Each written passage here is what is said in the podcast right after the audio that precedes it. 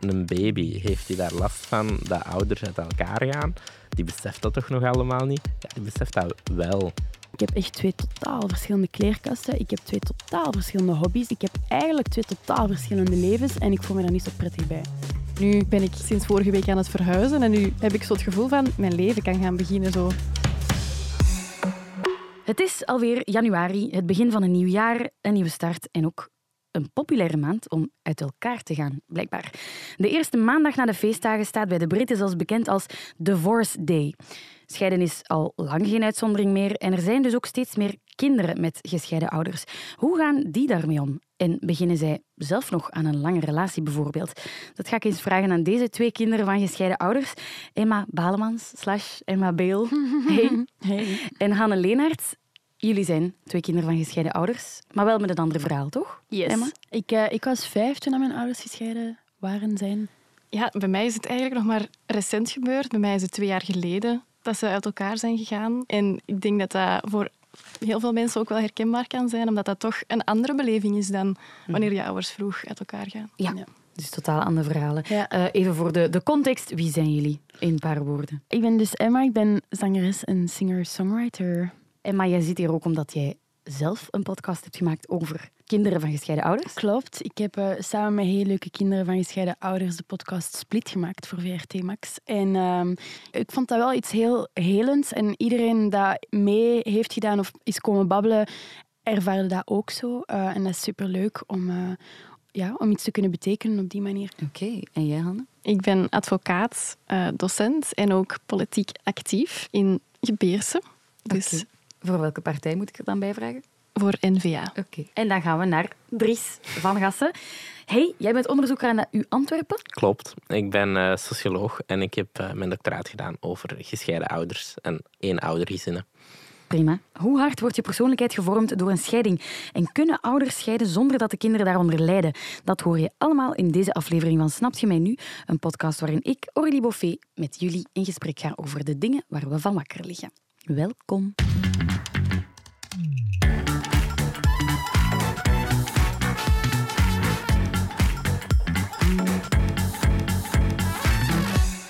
Emma, jij, jouw ouders zijn gescheiden toen je klein was? Ja, ik was vijf jaar, mijn zusje was drie, dus superveel herinner ik mij daar niet van. Ik herinner me ook totaal geen gesprek of zo. Al is dat er wel blijkbaar geweest, hebben ze dat echt aan ons uitgelegd van wat dat er ging gebeuren. Maar ik zeg het, ja, ik weet niet of dat jullie nog veel herinneringen hebben van jullie vijf jaar, maar ik al sinds niet. Ik herinner me wel zo wat ruzie en, en spanningen. En vooral ook ouderschap herinner ik mij, de week om week. En eh, hoe dat allemaal in zijn gang ging. Dus ja. En hoe ging dat? Ik vond dat niet zo tof. ik vond dat echt niet tof. Ik, was, eh, ik ben echt een gewoontebeestje. Ik hou van... eh, ik, ik heb tijd nodig om te wennen aan dingen. Ehm, dus een week was redelijk kort, want je bent net gewend geraakt aan ehm, de gewoontes van die ouder en dat huis en, en alle activiteiten dat daarbij komen kijken. En je moet terug wisselen. En daarnaast was ook, wij gingen die andere ouder dan ook echt missen. Dus dat was altijd met traantjes. Waardoor dat de ouder naar waar dat we gingen dan dacht, oei, die willen niet bij mij zijn. en zo was dat altijd. En dan voelt. En de hele shitshow erbij. Hè? Ja. Hoe ouder dat ik werd, hoe, hoe, hoe ehm, makkelijker dat dat ook werd, in a way. Al kwamen de grote verschillen... Ze zeggen dat, hè? grotere kinderen, grotere zorgen. En dat, dat, dat, dat werden ook gewoon grotere problemen. Of zo. Dat was niet meer gewoon eh, een, een boekentas vergeten of je bikini vergeten. Dat werden dingen zoals... Tja, ik heb echt twee totaal verschillende kleerkasten. Ik heb twee totaal verschillende hobby's dat ik dan week om week doe. Ik heb eigenlijk twee totaal verschillende levens en ik voel me daar niet zo prettig bij. Dan ben ik gewoon bij mama gaan wonen. En wat vond je papa daarvan? Ja, vreselijk. Die heeft daar ook heel lang eh, voor gevochten om dat niet te doen. Want het is niet dat de rechtbank dat zomaar besloten had. Dat heeft toch twee jaar geduurd dat wij wel week om week moesten, maar dat wij gewoon niet gingen. Ik voelde wel dat dat juist was om te doen voor mij. En mijn zus vond dat ook. Maar ja, eh, weet je, ja... Papa die bleef proberen om ons te zien. En dat is gewoon kut, hè. Dat is echt een kutsituatie. En ik denk dat niet spreken of geen contact, het gewoon, of zo boos zijn op bepaalde dingen... Want mijn ouders zijn ook geen engeltjes of zo. hè. Er waren wel dingen waar ik boos of ambetant over kon zijn, zeker. En, en, en iedereen heeft fouten gemaakt. Maar ik denk dat dat makkelijker was om boos te zijn en geen contact te hebben. Hm. Anders, wat, wat doe je dan? Dan, dan zit je nog altijd met, met, met schuldgevoel. Dat was de enige manier, denk ik, om zo echt een jeugd op één plek en wat dat ik wou zijn, en gewoon één gezin en alles wat daarbij komt kijken, gewoon dat te hebben. Ik hoorde jou vertellen dat jij twee kleerkasten had en twee hobby's. Ja, ja. Dus echt alles maal twee? Ja, echt alles maar twee. Zover dat ik zelfs mijn eh, plechtige communie en catechese twee keer heb gedaan. Oh, wauw. Dat is heftig. En hoe zou je dan de impact beschrijven dat die scheiding heeft gehad op jouw persoon? Ik denk de scheiding tot daaraan toe, maar ik denk dat dat co-ouderschap voor mij persoonlijk ervoor heeft gezorgd dat ik het heel moeilijk vond om mezelf zo wat te vinden of zo. En te weten wat vind ik leuk, wat, wat is voor mij belangrijk, wat zijn mijn normen en waarden, wat zijn allez, zo, ja, zo wat identiteit vormen of zo. Van, heb, heb ik eh, tot de dag van vandaag echt moeite mee. Dat klinkt zo raar, maar dat is wel. Het is wel heel herkenbaar, want voor mij is dat ook wel. Ah ja? Ook al is dat bij mij heel anders. Mijn identiteit, ik heb heel lang, omdat mijn ouders die hadden al langer problemen, heb ik heel lang geleefd in het teken van ik ga dat hier oplossen. Ik ga mijn, de problemen van mijn ouders oplossen. En dat heb ik altijd op de voorgrond gezet. En ik heb nooit echt aan zelfontwikkeling gedaan of zo. En dat heb ik tot op de dag van vandaag nog altijd aan de kant gezet. En nu ben ik sinds vorige week aan het verhuizen. En nu heb ik zo het gevoel van mijn leven kan gaan beginnen. Zo. Ja. Dat moet niet meer. Kan je eens vertellen wat er bij jou precies is gebeurd? Ja, mijn ouders zijn twee jaar geleden gescheiden. Maar ja, laten we zeggen, twaalf jaar geleden zijn er problemen gekomen omdat een van mijn ouders een misstap had gedaan. En ja, dat is altijd een beetje blijven aanslepen. Ze zijn dan voor ons, voor de kinderen eigenlijk, samengebleven. En ze hebben dan blijven proberen van oké, we gaan hier toch iets moois van proberen maken. Is niet gelukt. Wij zagen dat als kinderen allebei, dat dat... Wij waren mensen die onder hetzelfde dak woonden, maar we waren totaal geen gezin en er was geen liefde aanwezig. Wij, allee, ik zag mijn ouders bitter weinig elkaar kussen of elkaar omhelzen, wat dat je wel echt voelt als kind, als je ouders dat Je voelt doen. die spanningen keihard. Mijn ouders denken vaak, en ik snap dat, want die zijn gewoon met, met wat ze zelf voelen bezig. Maar Mhm. zelfs al zijn je vijf jaar, je voelt echt spanningen. Je voelt dat gewoon. Ja, Dat is een en energie dat daar hangt. dat is echt een supergrote energie. En ja, bij mij was dat dan in mijn puberjaren eigenlijk, waar dat uw persoonlijkheid eigenlijk... Spreek me tegen als ik fout ben, maar uw persoonlijkheid wordt daar eigenlijk al gevormd en krijgt daar wat zaadjes en dat moet beginnen groeien. Maar dat is totaal fout ge- gelopen of zo. Ik zeg het, ik, als ik dan eens een leuk feestje had in het weekend, als ik dan naar huis ging, ik, ik had constant schrik van oei, wat voor drama gaat het nu zijn? Zo, wat ga ik treffen? En dat was heel veel stress. En door die stress heb ik bepaalde dingen echt verdrongen. Heb ik ook ja, geen liefjes gehad of zo. Ik, ik had dat niet. Mijn leven stond echt wel in het teken van... Ah ja, ik ga die terug samenbrengen en dat gaat hier een schoon verhaal worden, wat dat het niet geworden is. En dan zijn ze uiteindelijk twee jaar geleden wel uit elkaar gegaan, omdat mijn mama een nieuwe partner had. Ik ben daar in het begin heel kwaad voor geweest, omdat dat een hele heftige reactie heeft uitgelokt bij mijn vader. Mijn vader kon dat absoluut niet verkroppen en heeft geprobeerd om zichzelf het leven te ontdoen. Ehm, en ik heb daar dat in het begin kwalijk genomen, maar ik heb ook vrij snel beseft, dit mag ik haar niet kwalijk nemen, want zij is verliefd geworden op een andere man, terwijl er al heel lang problemen waren. Maar dat is wel een hele heftige periode geweest en daar heb ik zelf ook wel een serieuze indruk van gehad. En, en dat heeft mijn leven wel beïnvloed, in zekere zin. Was je ook boos voor al die jaren zonder liefde eigenlijk die je hebt meegemaakt? Voor die impact?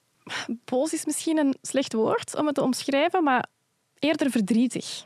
Omdat ik had liefst een warm gezin gewild. En als je dan bij vrienden en vriendinnen op bezoek gaat, voor een fuif of weet ik veel waar dat je naartoe ging, Is dat gezellig? En- kei gezellig. Die, die weten alles van elkaar. Die, die delen kei veel liefde. Die knuffelen met elkaar.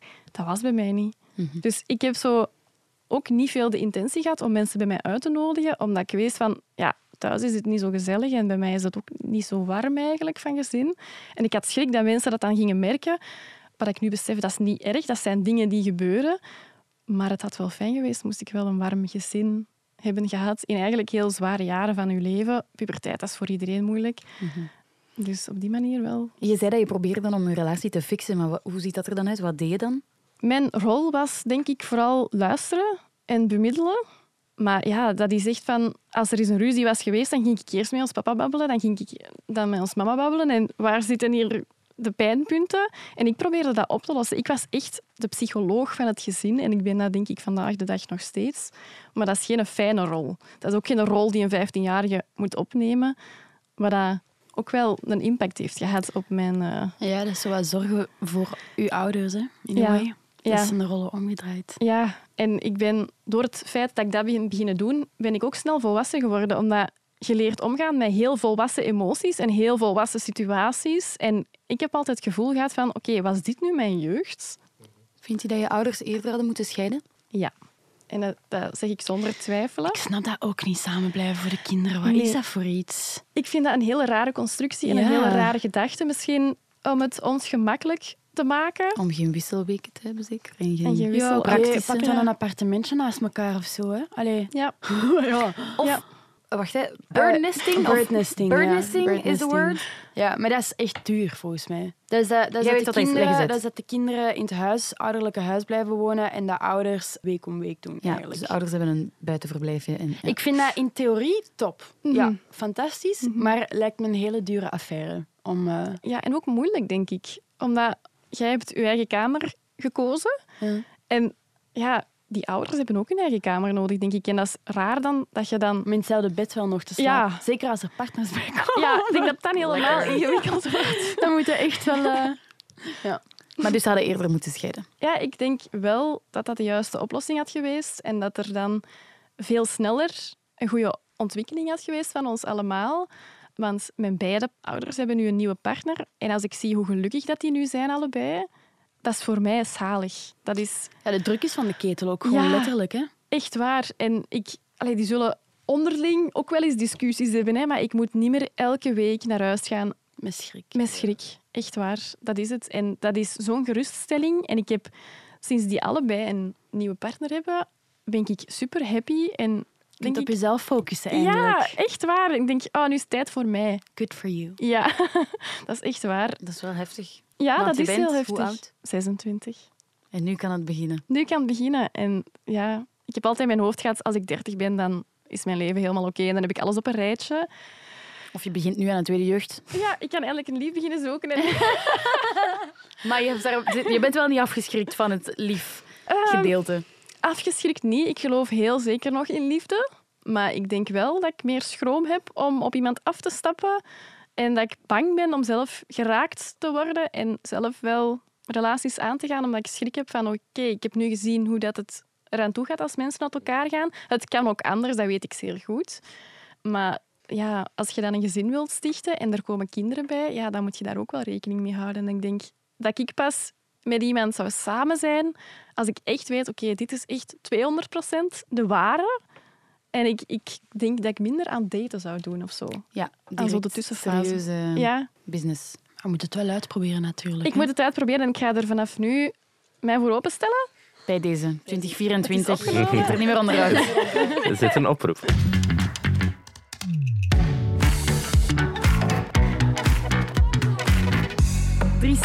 Ja. dit zijn natuurlijk twee heel persoonlijke verhalen. mhm. Kan jij zeggen wat dat de wetenschap zegt? Wat is de impact van een scheiding op een kind? Ja, Voel je al aankomen, dat is bij iedereen iets dat anders. is heel genuanceerd, want iedere Ja. scheiding is anders en Ja. iedereen heeft zijn eigen verhaal. En dat hoorde ook heel mooi, denk ik, bij de twee verhalen dat je hier hoort. Wat ik vooral ook hoor, en dat vrij belangrijk is, is dat in allebei die verhalen zo'n aspect zit van... Bij jou, Emma, hoorde heel hard van die stabiliteit die je mist. Bij u is het eigenlijk dat aanhoudend conflict dat zeer pijnlijk is en moeilijk. En ik denk dat dat twee, twee verhalen zijn die eerder dan de scheiding aan zich, op zich, een heel belangrijke invloed hebben op van ja, hoe ga je er als kind mee om. Ieder kind heeft nood aan warmte, structuur, stabiliteit. En ontneem je En die veiligheid. En zo. veiligheid, dan wordt dat heel moeilijk. En als je eh, je leven beschrijft als een leven dat zich op vier verschillende plaatsen afspeelt, waar dat je veel verschillende hobby's hebt, dan begrijp ik dat. Ai, is ergens een hele logische gedachtegang van ja, vanuit die, dat gebrek aan structuur komt eigenlijk een kind dat zich niet lekker voelt en dat ja, zijn plek mist. En dat is iets dat je ook hoort bij jou dan, wanneer het gaat over, over dat aanhoudend conflict. Er is een, bekende Amerikaanse psycholoog die 50 jaar onderzoek heeft gedaan naar kinderen van eh, gescheiden ouders. En ze heeft onderzoek gebundeld in een boekje Should We Stay Together for the Sake of the Children? En het antwoord is negatief, omdat ze, eh, ze bouwt het argument eigenlijk op van ja, het is de conflicttoestand en het aanhoudende conflict wat dat erg is voor kinderen. En op zich, die scheiding, dat is een gezinstransitie. Mhm. Maar het is heel belangrijk hoe dat je er daar dan mee omgaat. Hè. Hoe ga je zoveel mogelijk structuur en stabiliteit geven aan kinderen. En zo weinig mogelijk verandering eigenlijk Ja. ook. Hè. Dat, is, dat is denk ik ja, voor en- het kind. Hè. Ja, wel, want je hoort dat ook als, als je nu hoort praten van ja, de laatste jaren is die stabiliteit er terug. Mhm. Als ik u hoor praten van dat contact met mijn papa is hersteld, mijn ouders praten weer tegen elkaar. Dat zijn elementen, open communicatie, waarbij dat die stabiliteit terugkeert en waarbij dat, dat rust in jullie leven terugkomt. Mhm. En ik denk hoe sneller dat je op dat punt komt, Ja. hoe beter dat je scheiding is verlopen. Maar ja, als ik het zo hoor, hebben wij dat zelf ook wel Ja. een beetje gedaan. Hè. We hebben Ja. zelf dat, die stabiliteit en die peace of mind of zo precies ook wel zelf moeten zoeken. En dat vind ik wel zielig soms. Emma heeft het meegemaakt toen ze vijf was. Hanne toen ze 24. 24 was. Dat zijn twee heel andere leeftijden. Mhm. Dries, is er zo... Ja, op welke leeftijd is het eigenlijk het meest schadelijk voor kinderen om uit elkaar te gaan? Als je het zo simplistisch mag Ja. stellen, natuurlijk. Ik vind schadelijk sowieso al een moeilijk woord. Oké, je wat moet ik daarin- zeggen? Ja, omdat je daarmee maakte eigenlijk de, of, of teken eigenlijk een heel negatief beeld van scheiding af. Terwijl wat je bijvoorbeeld in, in jouw verhaal hoorde van ja, bij elkaar blijven, terwijl je eigenlijk niet samen wilt zijn. ja. Wel, als we dan het woord schadelijk, ja. is misschien wel schadelijker dan uiteindelijk die knoop doorhakken. En het belangrijkste is om zo snel mogelijk terug naar die stabiliteit te gaan.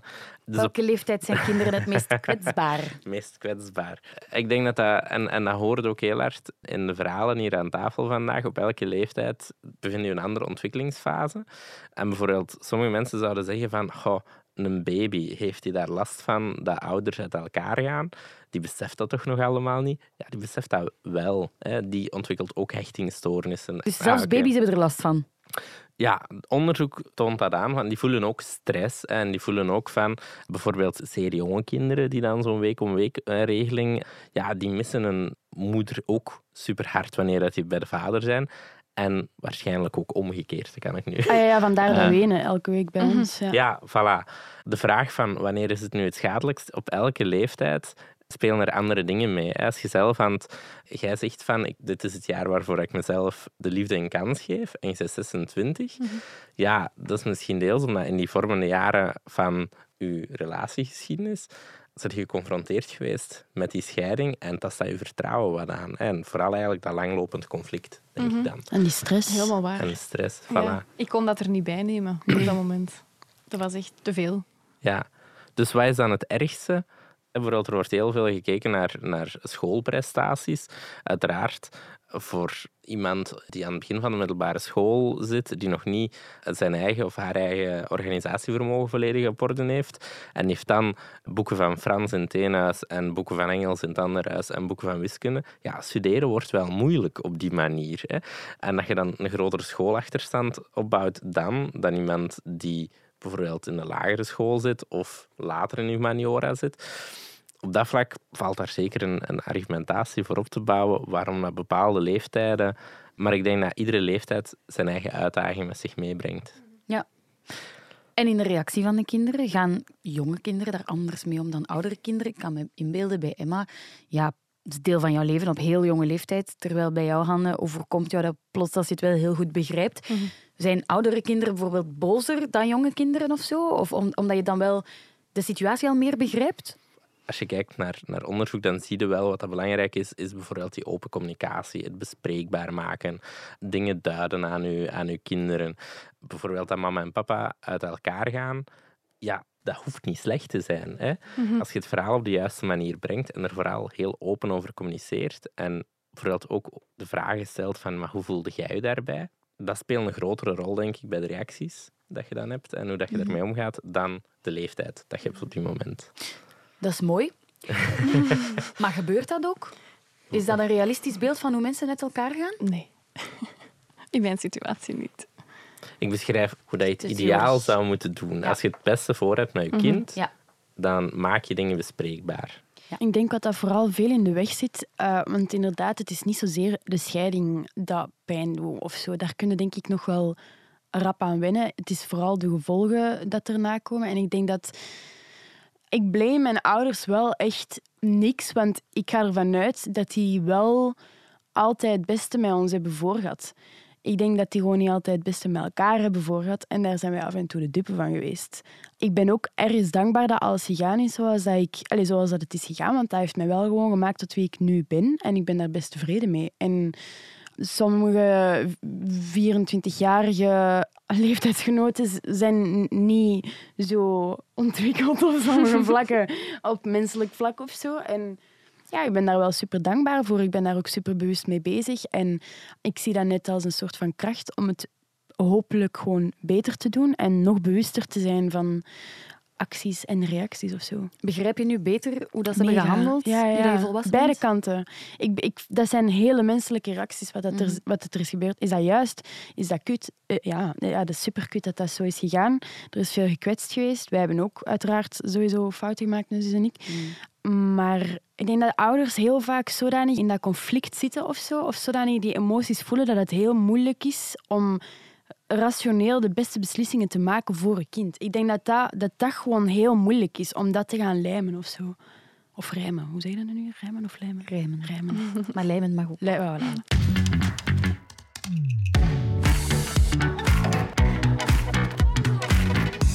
Emma, toen jouw ouders scheiden, ehm, waren er toen al veel kindjes met gescheiden ouders? Nee, eh, ik was samen met een jongetje in de lagere school de enige. En als je dat vergelijkt met nu, Hanne, hoeveel vrienden van jou hebben gescheiden ouders?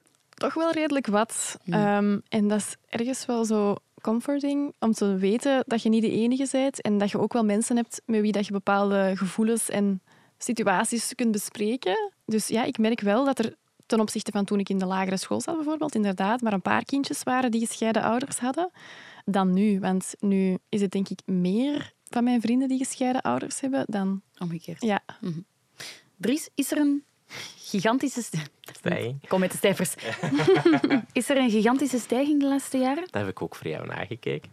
Dank je. Ehm, er is eigenlijk een daling de laatste jaren eh, bezig. Wacht, maar nu- wat, wat is de laatste jaren? Gaat dat over De- Emma jeugd de tot laatste nu? Of... vijf Ah, ja, ja. jaar pakt een, een gestage daling. Eerder iets dat in dezelfde grootorde blijft. Maar dat is een moeilijke statistiek om te nemen, omdat heel veel, weinig mensen trouwen nog. Voilà, ik Dat, dat was, dat was de, pod- dat meer. was de podcast een maand geleden. en eh, dus ja, steeds minder mensen trouwen. En die mensen die worden nog niet opgenomen in de echtscheidingsstatistieken. Echtscheidingsstatistieken zijn vooral interessant omdat je ziet dat wanneer dat er een, een wetswijziging is eh, gebeurd, zoals bijvoorbeeld in 2007, bent jurist, je gaat dat weten, eh, werd echtscheidingsschuld vrijgemaakt. Dus er moest geen schuldige meer aangeduid worden in een scheiding. Dan zie je ineens in de, in de, in de statistieken een piek van mensen die in 2008 zeggen we gaan scheiden. Hè. Ehm, dus het heeft vooral te maken met het gemakkelijker worden om te scheiden, dat er meer me- scheidingen plaatsvinden. En nu zie je gewoon ook ja, in de statistieken, er zijn minder huwelijken, dus er zullen minder mensen eh, scheiden. En los van huwelijken en scheidingen, gaan er meer mensen makkelijker uit elkaar? Of kan je dat dan echt niet rapporteren? Ik vind dat wel een goede vraag. en. Ik vraag mij dat ook af. Van, zijn mensen eigenlijk nog capabel en, en willen die nog een Is, relatie is tot dat nog mogelijk, het levenslang? eh, Ja, is dat iets realistisch plaatje. nog? geef mij een beetje hoop alsjeblieft. Ja. Voor ik eraan begin. Voor jou zou ik zeggen dat er zeker. nee, nee, maar dat is ook wel zo. Er blijven nog steeds meer huwelijken intact dan dat er kapot gaan. En er zijn ook heel veel relaties die levenslang, uiteraard ja, iemand sterft het eerst, maar die levenslang duren. Hè. Nu, ja, denk ik dat je ook een positieve kanttekening moet maken bij, bij dat plaatje. Pakweg 50 jaar geleden was het veel moeilijker om te scheiden. En dat zorgde voor veel heel ongelukkige relaties. En het goede aan scheidingen, eigenlijk zowel voor de kinderen als voor de ouders, is dat die gezinnen waar dat iedereen ongelukkig rondloopt, dat daar toch een einde aan kan komen. Zeker. En als er dan een einde aan komt, Dries, hoe moet dat dan goed gebeuren? Geef ons een stappenplan. hoe moeten stappenplan. ouders zo goed mogelijk scheiden, zodat de kinderen er minder last van hebben? En de ouders zelf ook. Ja. Het stappenplan bestaat niet. Jammer. Er bestaan ondertussen wel tools. Er is ondertussen een tiental jaar geleden met Scheiding in Vlaanderen project is er iets ge- gebouwd als de scheidingskoffer. Ik weet niet of jullie daar ooit van gehoord hebben. Nee. Dat is iets dat ze... In het begin was dat effectief een fysieke koffer die ze aan mensen meegaven die gingen scheiden. eh, met daar materiaal in, zo van hier zijn wat folders waarmee dat je terecht kunt. Ze hebben dat ondertussen gedigitaliseerd. Er bestaat wel informatiedocumentatie over wat ga je nu doen nu dat je gescheiden bent. Dat is één ding. Maar ik denk dat het vooral belangrijk is om te kijken naar wat we al eerder hebben aangehaald van ja, die structuur, stabiliteit, communicatie. En als je dat concreet moet maken, want dat is allemaal zo heel tekst, tekstboek. Ja, Als je dat concreet moet maken, dan denk ik bijvoorbeeld aan iets wat vaak gebeurt, is de ene ouder geeft kritiek op de andere. Dat is iets wat je heel vaak hoort. Of worden inderdaad van één huis naar het andere gesleurd. Is er daar zo iets wat je ons kan meegeven wat beter zou werken? Zoals inderdaad dat um, moest, moesten, birdnesting. moesten er ouders luisteren die denken aan scheiden, dan zou ik zeggen van doe dat niet. Negatief praten over je... Doe dat niet, scheiden. Maar praat niet negatief over je ex-partner waar je kind bij is. Hè. Maar dat, kan, dat hoeft niet per se een woord te zijn. Dat, dat zit hem soms in bijvoorbeeld vertellen hoe dat de week geweest is bij de mama en de papa die zegt van... Een bepaalde vibe of, of, Mm. of sfeer kan al genoeg zijn om te weten... Ah, die Mhm. hoort dan niet graag dat het leuk is geweest Ja. of zo. Ja. Moet er een cursus zijn voor ouders die gaan scheiden? Ik denk dat dat wel gemakkelijk is. En, en qua cursus bedoel ik misschien de, de do's en de don'ts of zo.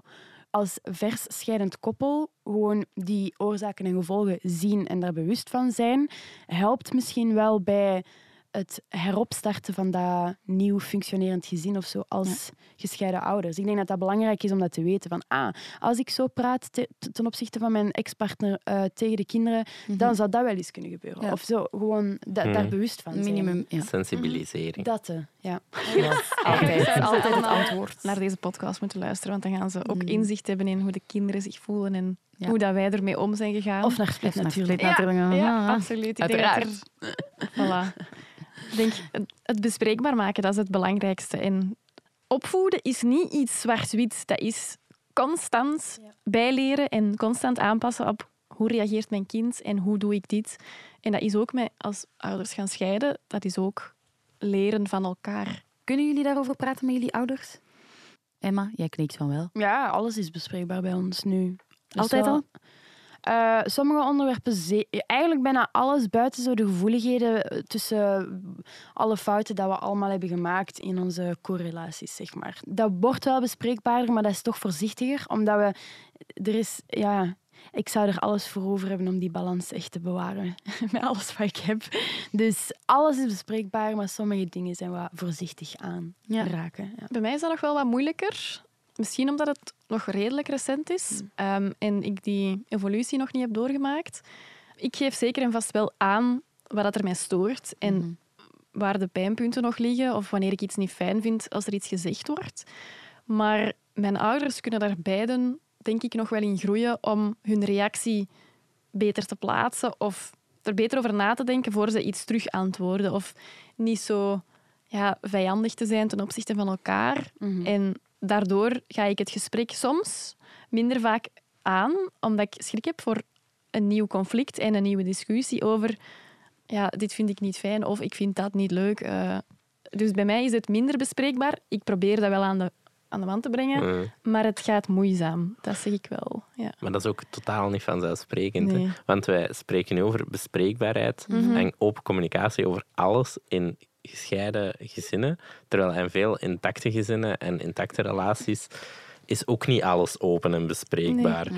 Wat ik zelf heel hard heb moeten aanvaarden en heel hard in mijn oren heb moeten steken, is als je wilt praten over een echtscheiding en als je denkt van ik heb hier een psycholoog voor nodig of ik heb therapie nodig, doe dat. Het is niet omdat dat maar tussen aanhalingstekens een echtscheiding is, dat dat probleem niet belangrijk genoeg is. Want het is kei belangrijk om over alles met iedereen te kunnen praten en daar hulp voor te zoeken. Denk niet, het is maar een echtscheiding, maar ga naar die psycholoog en praat daarover. Spreek met vrienden af of spreek die leerkracht aan waarmee dat je wel een band mee hebt. Dus dat is wel een boodschap die ik wil meegeven. Denk niet, het is schrijf, schrijf een brief of liedjes. Ja, absoluut. Voilà. Of cursus bij Emma. Ga je al liedjes daarover?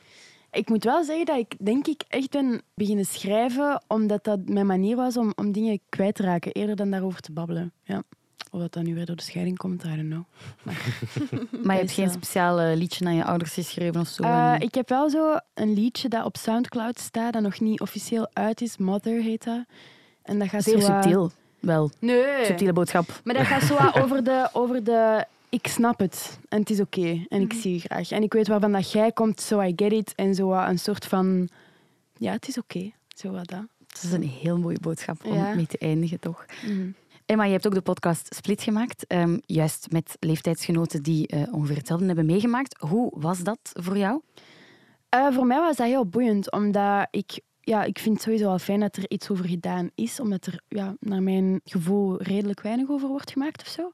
En ik denk dat dat heel fijn was om iets te maken voor jongeren dat waar ik zelf denk ik veel eh, aan had gehad als ik jonger was. Ehm, ik had me denk ik minder alleen gevoeld of raar gevoeld of zo. Eh, omdat dat wel zo voelde, alsof ik precies de enige was die dat allemaal meemaakte. Terwijl als we aan het spreken waren, dan, dan, dan werd dat heel snel duidelijk dat we wel gelijkaardige gevoelens bij bepaalde dingen hebben of ehm, ja, een soort gelijke situatie hebben meegemaakt. Hè. En dat, dat werkte heel helend. En ik denk dat dat voor mijn eh, medesprekers ook, ook heel fijn was, want die waren ook allemaal heel enthousiast toen dat we het vroegen om te komen babbelen. Met als reden denk ik dat ze er niet veel over babbelen. Eh, en dat is wel blijkbaar zo eh, een ongoing thing of zo. Dat, er, dat is zodanig een, een, een fait divers dat er bijna niet meer over gebabbeld wordt. Omdat het zo vaak gebeurt en dat mensen Ja. het minder belangrijk vinden, denk je? Ja, en dat ze van, oh ja, maar iedereen, hun ouders zijn gescheiden. Dus eh, was, ja, klaar. Dus wat is de big deal? Ja, volgend onderwerp, zo wat dat. Ja. Waar kunnen we de podcast beluisteren? Eh, je kunt de podcast beluisteren op Spotify en VRT Max. En je kunt hem ook bekijken op YouTube en VRT Max. Oké, fantastisch. Dan gaan we hier afsluiten. Dank jullie wel om tot hier te komen en om eh, Emma er nog eens over te praten. Veel plezier. Laatste keer. hè. Laatste ja. keer. Dank jullie wel, Hanne, ook om je verhaal te delen. Hanne, Emma en Dries. Merci. Waar probeer jij jouw vrienden van te overtuigen? Waar lig jij s'nachts van wakker? Stuur me al jouw ideeën door via de Instagram-pagina van VRT Nieuws of stuur me een berichtje op Twitter via Aurélie-Boffé. En misschien ben jij wel te gast in mijn volgende aflevering.